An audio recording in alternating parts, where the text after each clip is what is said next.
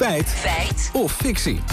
Gaat Lammert over de korenwolf. Klopt, uh, die hamster zou volgens CDA-statenlid Marcel Hanegraaf heel veel geld kosten. Hij beweert namelijk in de Telegraaf dat elke korenwolf Limburg 100.000 euro heeft gekost om ervoor te zorgen dat hij niet uit zal sterven. Nou, voor dat geld kun je toch een korenwolf uh, paradijs maken? ja, dat lijkt me ook. Dus we zijn er eens even ingedoken.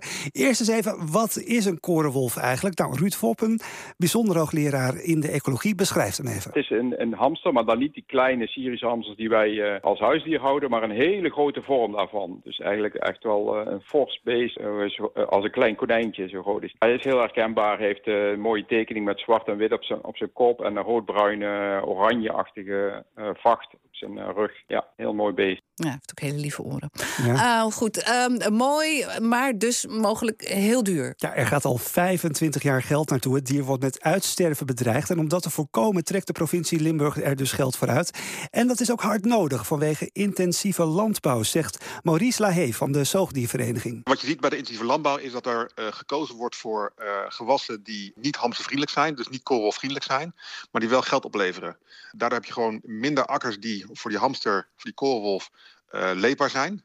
Dus hij kan op minder akkers terecht. En op de akkers waar hij nog wel terecht kan, waar graan groeit of luzerne groeit, daar is het beheer zo intensief dat ze nog maar één nestje per jaar kunnen krijgen. En dat is te weinig om de populatie in stand te houden. Ja, en dat geld wordt nu dus onder meer gebruikt om hamstervriendelijke landbouw te bedrijven. En dat kost dan 100.000 euro Per, uh, op zich lieve, maar ja, oké, okay, per korenwolf. Het leek maar ook een beetje veel, dus ik vroeg het aan Lahey. Hij zegt dat hij niet weet hoe dat CDA-statenlid aan die bedragen komt. Er gaat ongeveer een uh, miljoen per jaar naar het beheer van de korenwolf...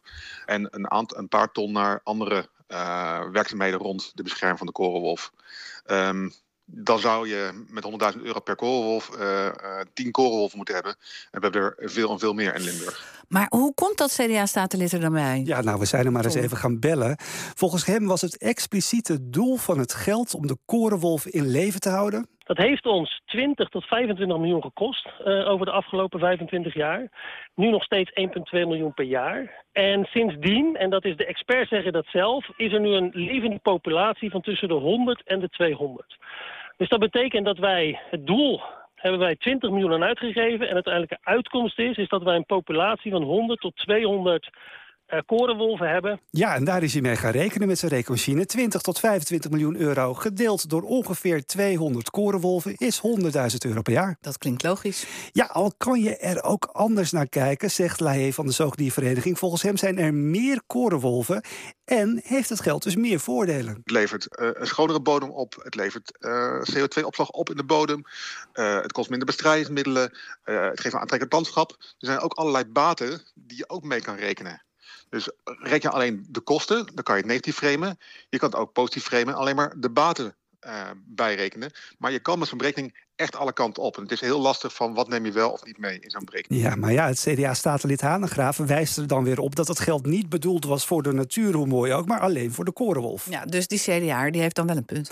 Nou, zomaar een bedrag op een diertje plakken... doet de werkelijkheid toch niet echt recht aan... zegt ecologie-hoogleraar Foppen maak wel, de vergelijking met van die eerste kweekvlees uh, hamburger, die kost 250.000 euro. Maar zo ga je dat toch niet uitdrukken. Uh, als er straks miljoenen van die hamburgers liggen, dan is de prijs per hamburger misschien een paar euro.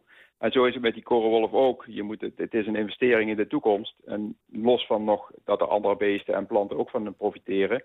Uh, als straks het programma rendeert voor die korenwolf, dan, dan moet je het over hele andere, heb je het over hele andere bedragen. Ja, en dit project is bovendien volgens Foppe en Lahey een voorloper voor natuurinclusieve landbouw. Oké, okay, we gaan naar een conclusie toe werken, Lammer. Tenminste, dat zijn we al aan het doen. Uh, feit of fictie, de korenwolf, nou ik wil niet zeggen luxe poes, maar echt een duur dier.